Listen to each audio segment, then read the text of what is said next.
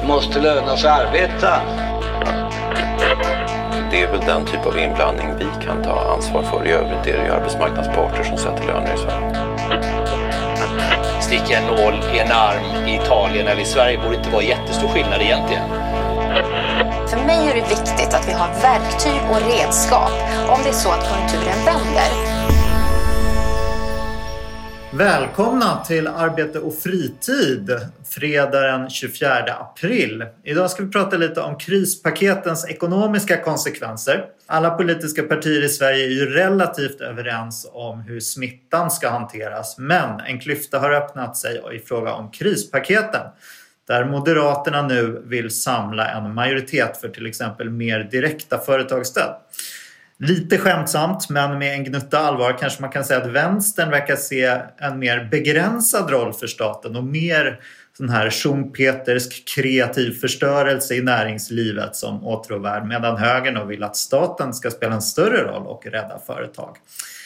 Kanske är det en krispaketskris under uppsegling.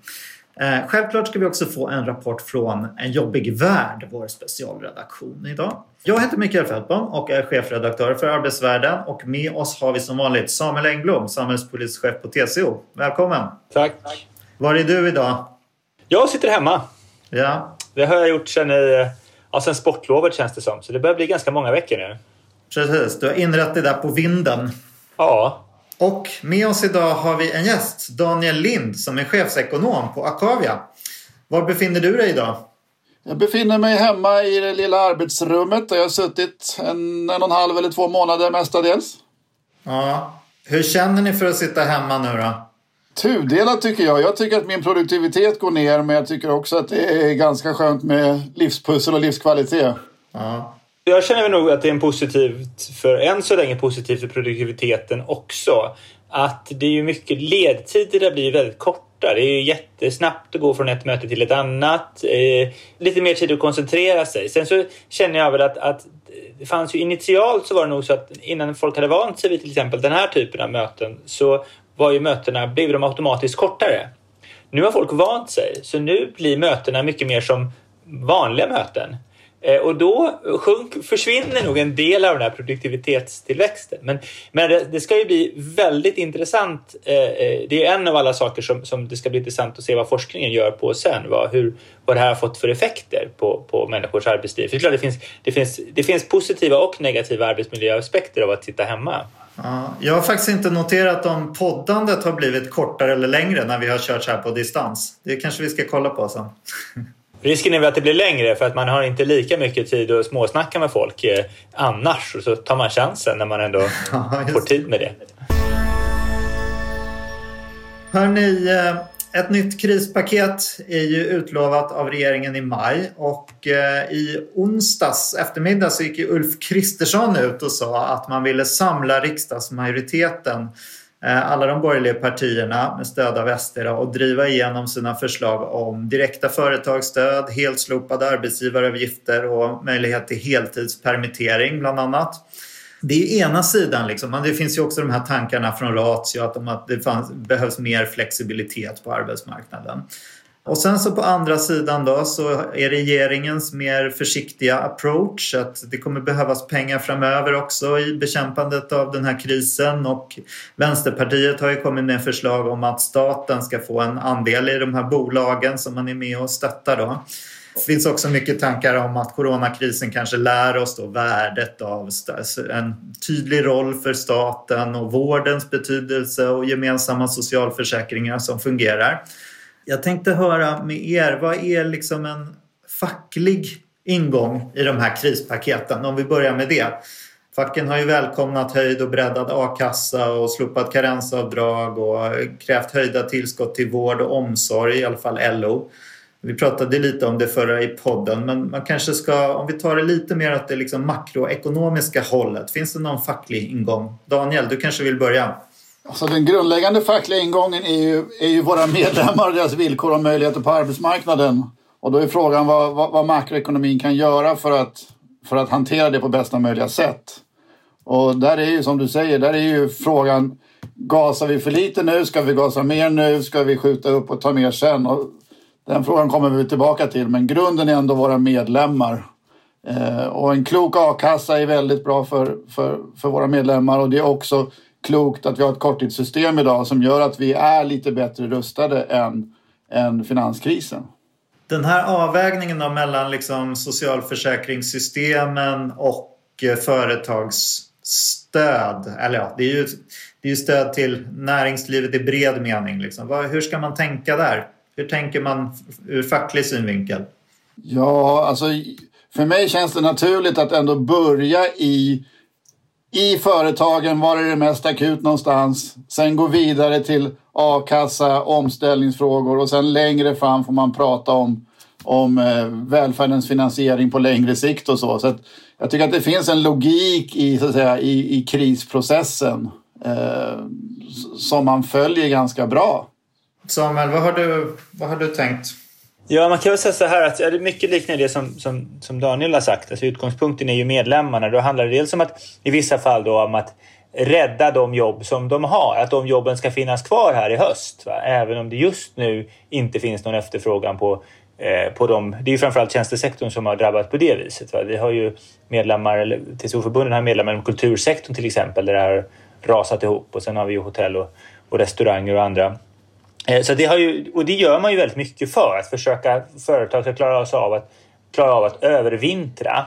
Och det, man klart, det som det känns som den politiska diskussionen därom det är ju liksom hur brett så ska man kasta det nätet? Det vill säga, för det är klart att det finns en risk att, att, att, alltså att eh, antingen det kan bli för smalt. Vi kan ju se hur eh, det finns grupper av företag och företagare som inte träffas och de stöden som man, som man eh, eh har eh, infört hittills. Vi har till exempel en grupp som, som jag har tittat på ganska mycket den senaste veckan är ensamföretagare med enskild firma som då eh, Eh, där som vi till exempel då har på, dels det finns det en del konsulter men det finns också eh, inom media och kultur eh, många sådana och de, de, det finns liksom inget av det som har gjorts passar riktigt bra för den gruppen. Så det är klart man behöver se till att, bre, att man lägger så breda åtgärder att man träffar alla grupper. Sen är det väl det här hur breda kan man vara? Det finns ju också företag som inte berörs egentligen av, av nedgången så mycket och ska de då också få stora stöd? Och det ligger väl lite i det här Moderaterna har tänkt att man liksom verkligen tar fram den stora kanonen för att som en, som en liksom, och då blir det en stimulansåtgärd generellt sett. Men det är klart att anledningen till att människor inte, eller inte konsumerar nu det är ju inte att de inte har pengar i de flesta fall utan det handlar ju om att de, inte går ut. Man, man, man åker inte och handlar eh, lika mycket på, på samma sätt. Och, och, så. och det är klart, då kan man fråga, fråga sig vad en sån här bred stimulans eh, eh, skulle innebära. Det är inte så att företagen heller kommer eh, köpa en massa tjänster eh, mer än vad de hade gjort annat bara för att de får, får liksom mer pengar i, i kassan, i vart fall inte på kort sikt. Det känns som att mycket av den här krisbekämpningen är extremt framtung. Alltså det är väldigt mycket som ska... Eh, det är 2020 man satsar på och det gäller både regeringen och oppositionen. Att 2020 går vi in med väldigt mycket pengar för att rädda jobb och också givetvis en hel del pengar kring eh, för att säkra den den ekonomiska tryggheten för de som blir av med jobbet eller de som behöver gå ner i arbetstid och så. Eh, men det finns stora frågetecken om vad som kommer därefter. Alltså vad, vad, hur ser planen ut för 2021 och 2022? Men det beror väl också på lite grann att prognoserna är så extremt osäkra nu så att det man kan hålla sig i om något är ju liksom kommande månader. Eh, tittar man på IMFs prognos så säger de att kris, eller osäkerheten har aldrig varit större i världen och då blir det svårt att ha något mer än scenarier på längre sikt. Och då blir det nära fokus på, när, på närtid så att säga. Ja, precis, och det finns ju så mycket, så mycket som är osäkert. Alltså det är det här, vi vet ju inte, det här medicinska förloppet är okänt. Va? Hur det kommer att se ut. Det är okänt eh, vilka motåtgärder, alltså vad är det för åtgärder som olika länder kommer vidta. Och vilka kommer Sverige vidta, vilket kommer omvärlden vidta, hur länge kommer de hålla i sig, det vet vi inte heller. Och sen då liksom de här ekonomiska konsekvenserna av den här typen av kris som, som, som är väldigt annorlunda än, än tidigare kriser. Daniel, du nämnde ju att uh, du liksom utgår ifrån medlemmarna när du tänker kring den här krisen. Om du hade varit finansminister, hur skulle du resonerat då? Eh, bara för att backa bandet lite grann bara. För Akavia, vi organiserar ju 130 000 medlemmar ungefär. Eh, och ungefär hälften i privat och offentlig sektor. Så att våra medlemmar drabbas på två sätt. Det ena är de i näringslivet när det gäller minskad efterfrågan och korttidsarbete. Men det är också de som påverkas genom en ganska hög arbetsbelastning och förändrade arbetsuppgifter i, i offentlig sektor, framförallt på myndigheterna. Så att vi måste hantera liksom båda delarna i det här. Eh, så att vi ska se våra medlemmar utifrån deras olika förutsättningar i krisen. Då. Men, men om jag hade varit finansminister så hade jag gjort ungefär som nuvarande finansminister gör. Eh, det går inte, tror jag, att gasa för mycket så att vi har för lite kvar i ladorna längre fram. Utan det gäller att ta det i rätt tågordning och successivt bedöma om vad är det som funkar. Behövs det mer? Behövs det mindre? Behövs det skruvas? Just för att osäkerheten är så stor. Så att eh, eh, hantera det akuta på olika sätt och väldigt lyhörd mot marken för att hantera det som dyker upp. Vad funkar? Vad funkar inte? Mm. Det har ju dykt upp en, en liksom internation, kanske en mer internationell kritik, kanske delvis svensk, kring eh, i vilken utsträckning man ska liksom rädda dagens ägare av företag och i vilken utsträckning man ska försöka inrikta sig på human och realkapital. Liksom. Det har ju framförts en rättvisa aspekt liksom, på att företagens belåning är på rekordnivåer, utdelningarna har varit enorma och de fortsätter nu under krisen. Liksom. Kan räddningspaketen bli en bekräftelse på att det är rätt att ha hög belåning och risk? Behöver man liksom tänka kring incitamenten kring de här lösningarna som kommer nu? Eh, eller tycker ni att lösningarna är liksom vettiga det här med korttidspermittering? vad är er ingång i det där? Nej, alltså, när jag tänker på det där så skulle jag säga att jag tror inte att coronapandemin i sig är det som skapar det här så kallade moral hazard principiellt utan det är ju att, att vi har ett högt sparande i bolagen och man har delat ut mycket och sådär. Det borde så att säga finnas andra verktyg för att stoppa det och hindra det på ett bra sätt än att man ska använda en pandemi som, som så att säga moral hazard-kroken.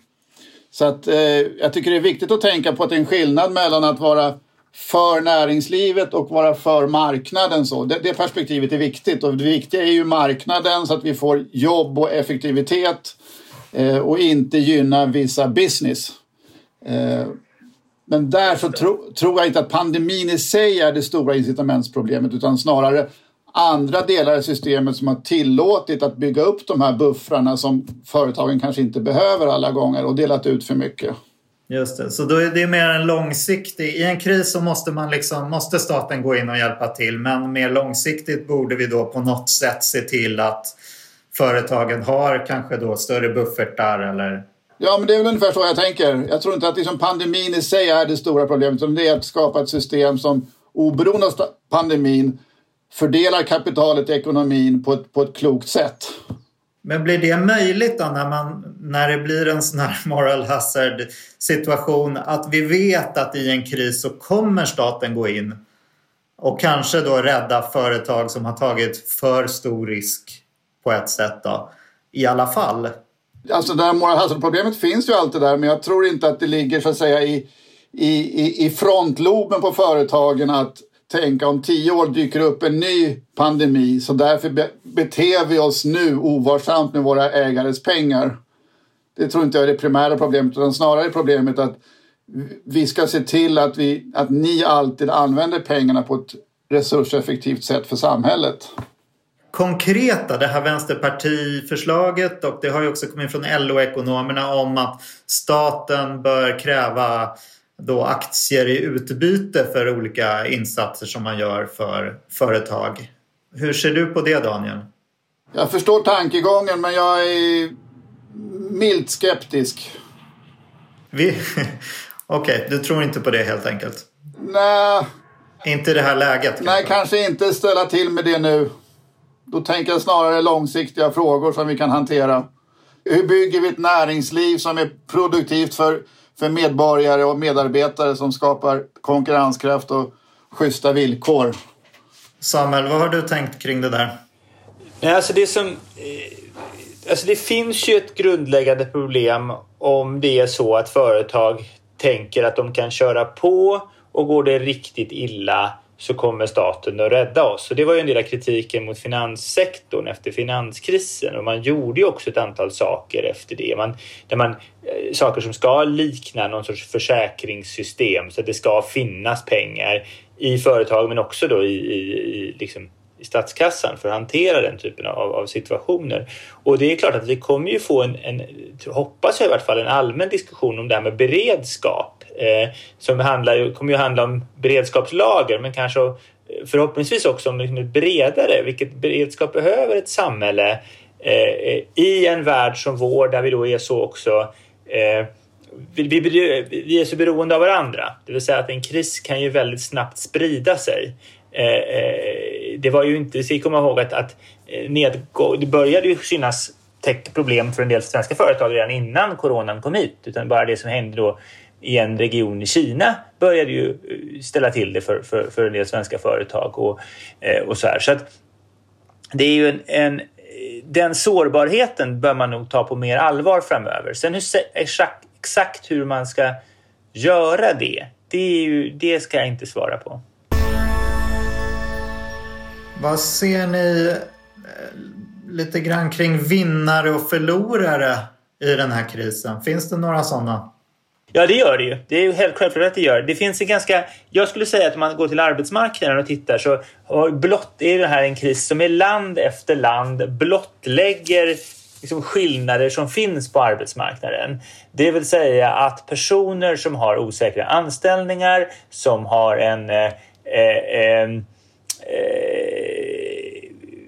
alltså som har en, en lägre utbildning, som har, alltså det, det har, har, drabbats hårdare. Det finns, ganska, det finns ett antal forskare som tittar framförallt på USA, eh, Storbritannien och Tyskland och bara liksom pumpar ut eh, inlägg eh, om, om, med, med, data därifrån. Och där har det ju varit väldigt tydligt hur, hur, vilken betydelse till exempel anställningsform får för hur du kan agera eh, när förutsättningarna förändras. Eh, och det har ju också, det finns ju då högst sannolikt också en koppling till smittspridningen. Att, att människor som är beroende av att arbeta eh, eh, av, av, sina timanställningar, de, kan, de behöver åka in även om de känner sig krassliga och de kanske också behöver arbeta även om, om de upplever att, att den, alltså arbetsmiljösituationen och skyddsutrustning och annat inte är, till, är eh, tillräckligt. Eh, så det har ju blivit väldigt tydligt här. Eh, sen så vet jag, jag läste igår, eh, tittade på en sak som också observerats under finanskrisen, hur man i USA och Storbritannien säger upp folk mycket större utsträckning än vad man gör i Tyskland. Eh, och att det bland annat har med arbetsrätten att göra. Eh, det är, och en kritik efter finanskrisen var ju att man då i, i USA och Storbritannien, framförallt i USA, liksom har faktiskt förstört en del företag genom att man gjorde sig av med folk. Folk försvann medan man i Tyskland då höll dem kvar. Och det är bland annat då det här Kurzarbeit som vi nu har i form av eh, korttidsarbete i Sverige. Så det, det liksom, arbetsmarknadens institutioner får väldigt stor betydelse för utfallet. Eh, så att, och, och, tyvärr är det väl så att det är mycket de, de vanliga förlorarna Eh, som vi ser.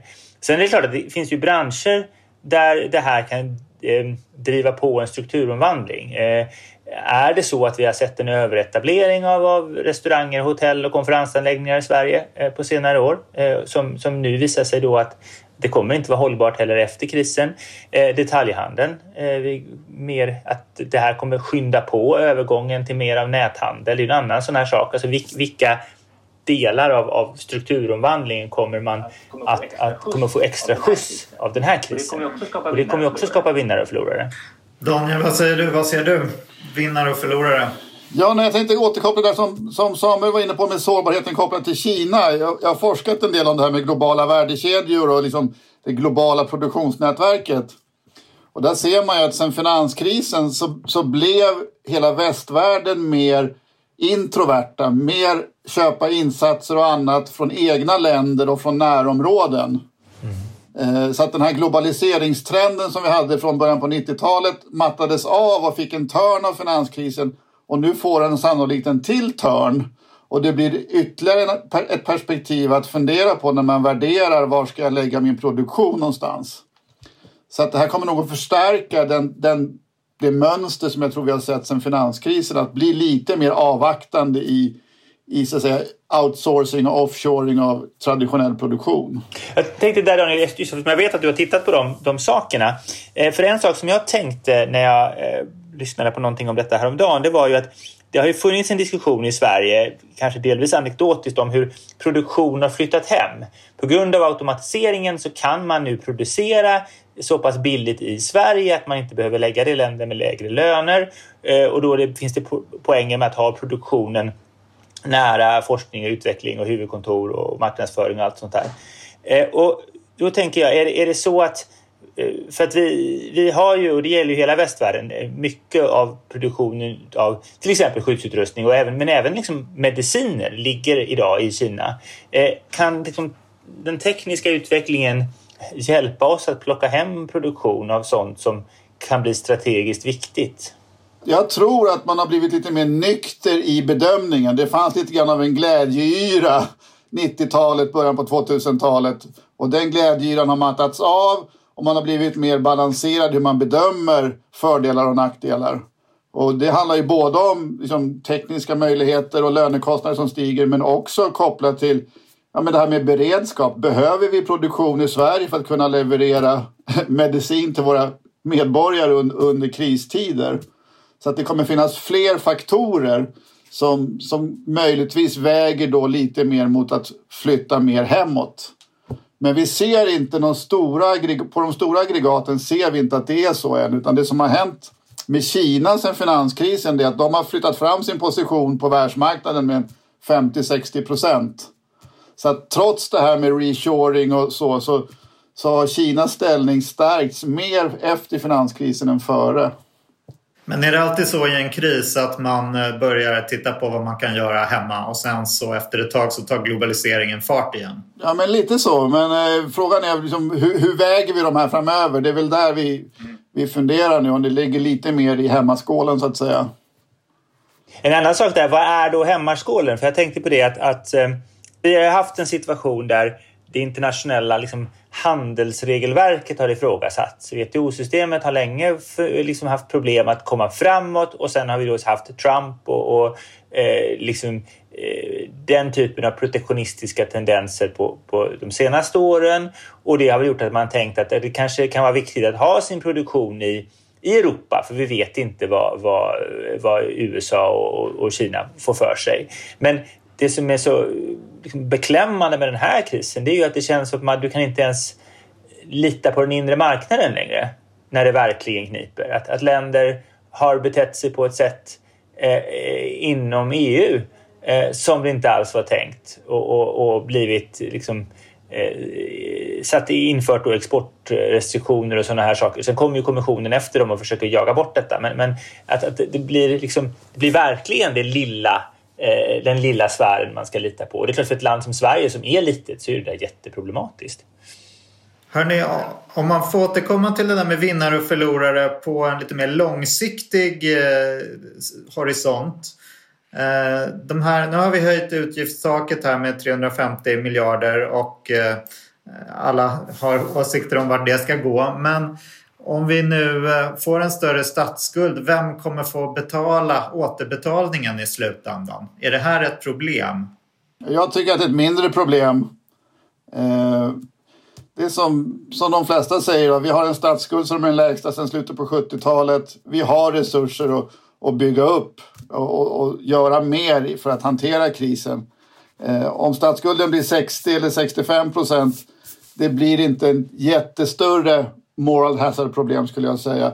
Problemet skulle ju bli om det finns en, en tro om att det aldrig går att betala tillbaks. Och då blir det lättare att lägga på ännu mer skuld för att det kommer ändå aldrig att behövas en återbetalning. Då tror jag det blir ett problem. Mm.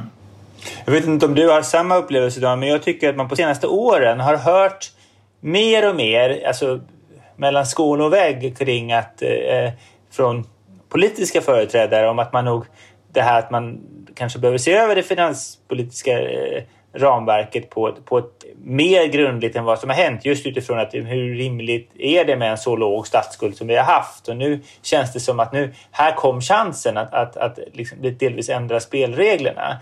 Eh, och jag måste säga att jag tror att för många med mig som, och Daniel också som kanske är vi är en generation som är präglad, vår, vår, vår syn tror jag, på mycket av samhället och politiken är präglad av 90-talskrisen eh, och budgetsaneringen som kom efter och sånt där. Det, det ligger där. Och jag tror att de här, den, den, många av dem som är politiskt aktiva idag, inte minst finansministern, är ju verkligen ett barn av budgetsaneringen. Liksom. Det är deras formativa upplevelse. Och så plötsligt hamnar de i ett läge där de ska hantera en kris där liksom pengar inte är ett problem. Ja. Och pengar är inte heller en lösning ska vi säga rakt av. Så det var, vi har, man hade ju som jag sagt här innan att, att man hade ju, det vi hade i ladorna var pengar. Vi hade inga skyddsmasker och, och visir och skyddsrockar men vi hade, och respiratorer. Utan vi hade hur mycket pengar som helst i lador, lador och bergrum. Va? Och så plötsligt har man chansen att använda alla de här pengarna. Eh, och, det är ju, och, det, och det är där det då nästan blir, för nu är det ju även oppositionen då vill ju bränna på med ännu mer pengar. Så det blir väl, vi börjar ju få ett sånt race istället. Men långsiktigt kommer det här ändra? Menar du, är du inne på att vi nu eh, har liksom, den här krisen gör att vi rör oss bort från det här spara i ladorna 90-talsparadigmet? Och är det i så fall någonting positivt? Alltså jag tror det kommer sägas att titta vad bra det var att vi sparade i ladorna. Men det är klart att det kommer också kanske finnas anledning att fundera då på om det här var helt rätt. Eh, det som man hade, hade gjort tidigare. Så det, det finns ju ett visst utrymme att spendera och det kommer man ju använda sig av och då kommer man släppa upp eh, eh statsskulden en bit. Min uppfattning är att den här diskussionen som nu är ett resultat av pandemin med statsskuld och budget och så. Den hade kommit på ett annat sätt mycket tydligare tror jag. I och med att det är uppenbart att vi har brister i offentlig sektor, vi har brister i skolan, vi har försvaret som måste upprustas, vi har infrastrukturproblem, vi har en högskola som är underfinansierad, vi har en a-kassa som inte är värd namnet på alla sätt. Så det finns ett inneboende strukturellt behov av antingen högre skatter eller en, en fundamental förändring av samhällsmodellen. Och den frågan, att orka ta i de här lite mer långtgående frågorna får nog en, en push av den här eh, pandemin men hade kommit gradvis senare ändå. Och det är ju här man får fundera på, apropå de här insatserna som görs nu, som säger de här ganska framtunga insatserna händer mycket 2020. Vad av det kan bli permanent? Jag tror att man ska nog tänka sig att vissa saker alltså behöver man göra. Höjningen av taket i a-kassan, det är en då har man återställt det till att det följer medianlönen, vilket det gjorde tidigare. Eh, då kan man säga att det är någonting som egentligen man, man flyttar upp dit där det borde vara. Men det är klart en del av företagsstöd och sådana här saker som, som vi då inte och som vi, vi redan ser att, att man, man en del säger okej okay, men nu har vi då nästan slopat karensdagen. Det kanske vi fortsätta ha den slopad. Eh, eh, företag som säger att ja, nu har vi tagit bort sjuklöneansvaret och kanske det, det kan ju ligga kvar. Eh, alltså jag tror att man får vara lite försiktig med vilka sådana här stöd som är svåra. Alltså, att, att det är bra om det man gör faktiskt går att rulla tillbaka så att man kan göra prioriteringar sen. Och när det gäller välfärdens finansiering så, så, så den oron man kan se det är att nu kommer det tillfälliga pengar för att hantera eh, coronakrisen. Eh, men samtidigt är det ju massa saker som inte sker i välfärden. Det byggs på område efter område liksom upp en, en skuld som alltså dels en arbetsmiljöskuld som handlar om personalen som kommer bli, som blir slutkörda och som eh, i värsta fall liksom får olika typer av arbetsskador av den här situationen. Eh, som inte får ta sina semestrar kanske i sommar. Alltså det finns ju massor av sådana men det finns också då vård som kan anstå, som skjuts upp och i vissa fall kan det handla om saker som faktiskt blir värre. I skolan, eh, om vi tittar då på eh, gymnasiet eh, och en del, ska jag säga, en del grundskolor har också kört distansundervisning här. Eh, då kan det vara de eh, eleverna som har eh, hade svåraste skolan redan innan, då kommer de ännu mer efter. Alltså på område efter område byggs det liksom upp en skuld. Och risken är att vi hamnar i ett läge där när liksom vi har klarat pandemibekämpningen och vi bestämmer oss att nu är vi klara med den här, när eh, Tegnell blåser faran över, då försvinner, då, då kommer det inte tillkomma några extra pengar och då sitter kommunerna och regionerna med samma dåliga ekonomi som innan eh, plus minskade skatteintäkter på grund av ekonomisk kris plus det här, den här uppbyggda skulden med saker som då inte har gjorts. Och det kan ju bli en, en, en riktigt rejäl eh, utmaning för, för välfärden.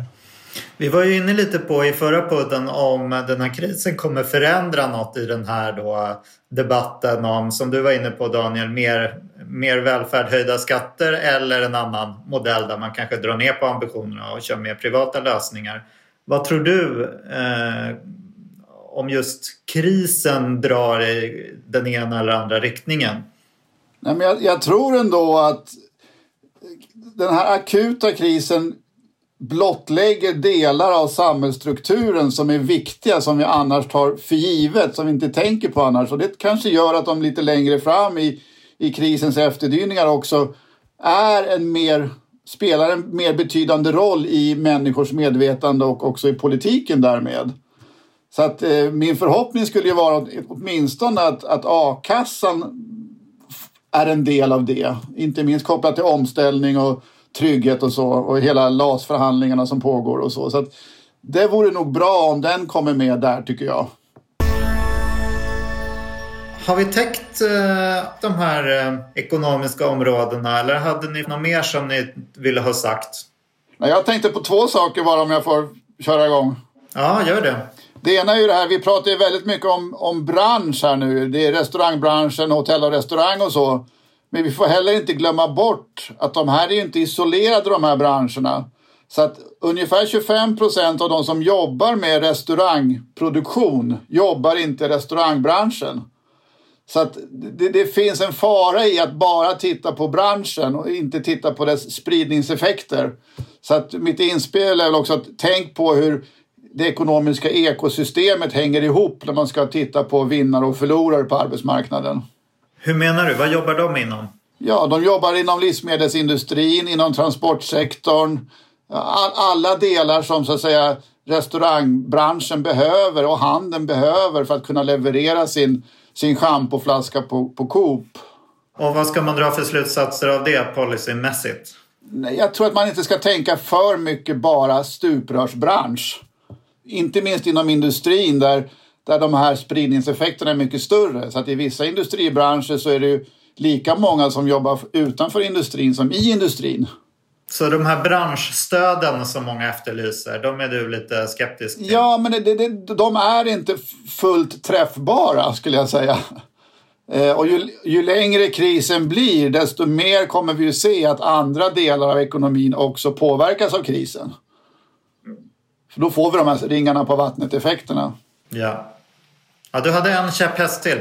Ja, det andra var bara det jag tänkte med att eh, den globala bilden som Samuel var inne på att jag menar, vi har Trump i USA som vill ha vill han handla så vill han göra det bilateralt och bestämma själv. Vi har Brexit, vi har Ryssland med maktambitioner, vi har Kina som har sin agenda.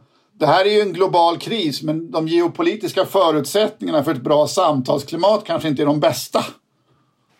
Ja, och vad gör vi åt det? Vad gör vi åt det? Vi börjar med att det händer någonting i USA.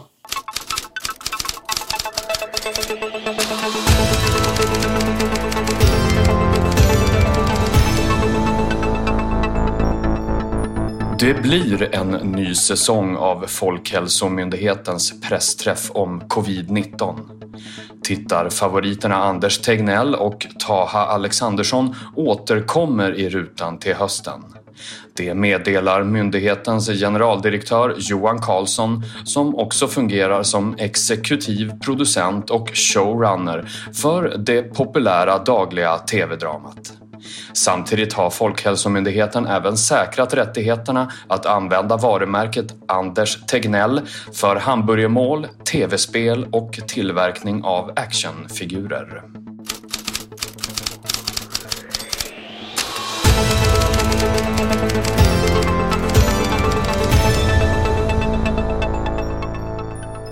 Ja, vad säger ni om den här eh, såpan som pågår på dagarna? Är ni sugna på en uppföljare? Nej, eftersom det skulle ju innebära att vi har att krisen fortsätter, att vi får en annan sån här kris. Så helst vill man ju inte ha dagliga presskonferenser klockan 14 eh, om en kris. Å andra sidan måste jag säga att de är, det är ju väldigt eh, bra och det finns något väldigt pedagogiskt i det. Och det, eh, det här att hela landet bänkar sig för att se hur en datapunkt på ett diagram flyttas. Liksom. Det tycker jag är, är ju, det finns ju något väldigt attraktivt i det. Ja, vad säger du Daniel? Det är ganska bra material för en uh, film eller tv-serie i alla fall. Ja, absolut. Nej, men jag tycker liksom, de här presskonferenserna är ändå ett uttryck för vår goda förvaltningstradition i Sverige skulle jag säga. Att det här är väldigt kompetenta, väldigt lugna människor som är sakliga och inte strävar efter egen synlighet. Det är väldigt bra. Sen är det ju lätt i de här lägena att vilja säga för mycket hela tiden när man står där. Men de håller sig, tycker jag, i, i, i god ordning och säger inte mer än de kan. Eh, så för mig är det en god svensk förvaltningstradition som visar sin bästa sida. Ja, jag, tycker, jag, jag förstår det här med actionfigurerna. Det känns ju som att man vill... Eh, när det kommer en film eller tv-serie om det här så kommer ju Tegnell ha rollen som den här liksom, hjälten. Det är också tacksamt att det finns lite två sidor. Dels den här lite nationalistiska stämningen som hejar på all makt åt Tegnell. Och sen så den här kritiska eh, sidan som säger att man har gjort för lite. Liksom. Det, är ett bra, det är ett bra drama samtidigt som det finns en, en hjälte för en historia att skriva. Vad gäller actionfigurer så kan man säga att det finns ju ett brädspel som heter Pandemi och det är i stort sett slutsålt. Det är långa leveranstider. Jag kan ha lokaliserat en, en lyxversion på ett ställe som jag kanske ska skaffa mig. Men annars så är det, det, är liksom, det har slutsålt slut. Det, jag tror att det väcker också ett väldigt stort intresse. Jag hoppas att det väcker ett stort intresse för, för Dels är det ju liksom de här avvägningarna som måste göras och dels givetvis det här statistiken, hur man räknar, hur man ska tolka statistik och hur skeptisk man ska vara när man jämför statistik. Eh, jag tror att alltså forskningen, och då pratar vi samhällsvetenskaplig forskning, ekonomisk forskning eh, och givetvis den medicinska forskningen kommer ju ha eh, mycket att göra de närmaste decennierna baserat på det här. Därför att det finns så många olika parametrar att ta hänsyn till och man ska bedöma eh, då dels eh, var, varför länder eh, gjorde på olika sätt eh, för att hantera den här krisen, vad som var framgångsrikt och det kommer ju bero väldigt mycket på hur man definierar vad framgång är eh, givetvis.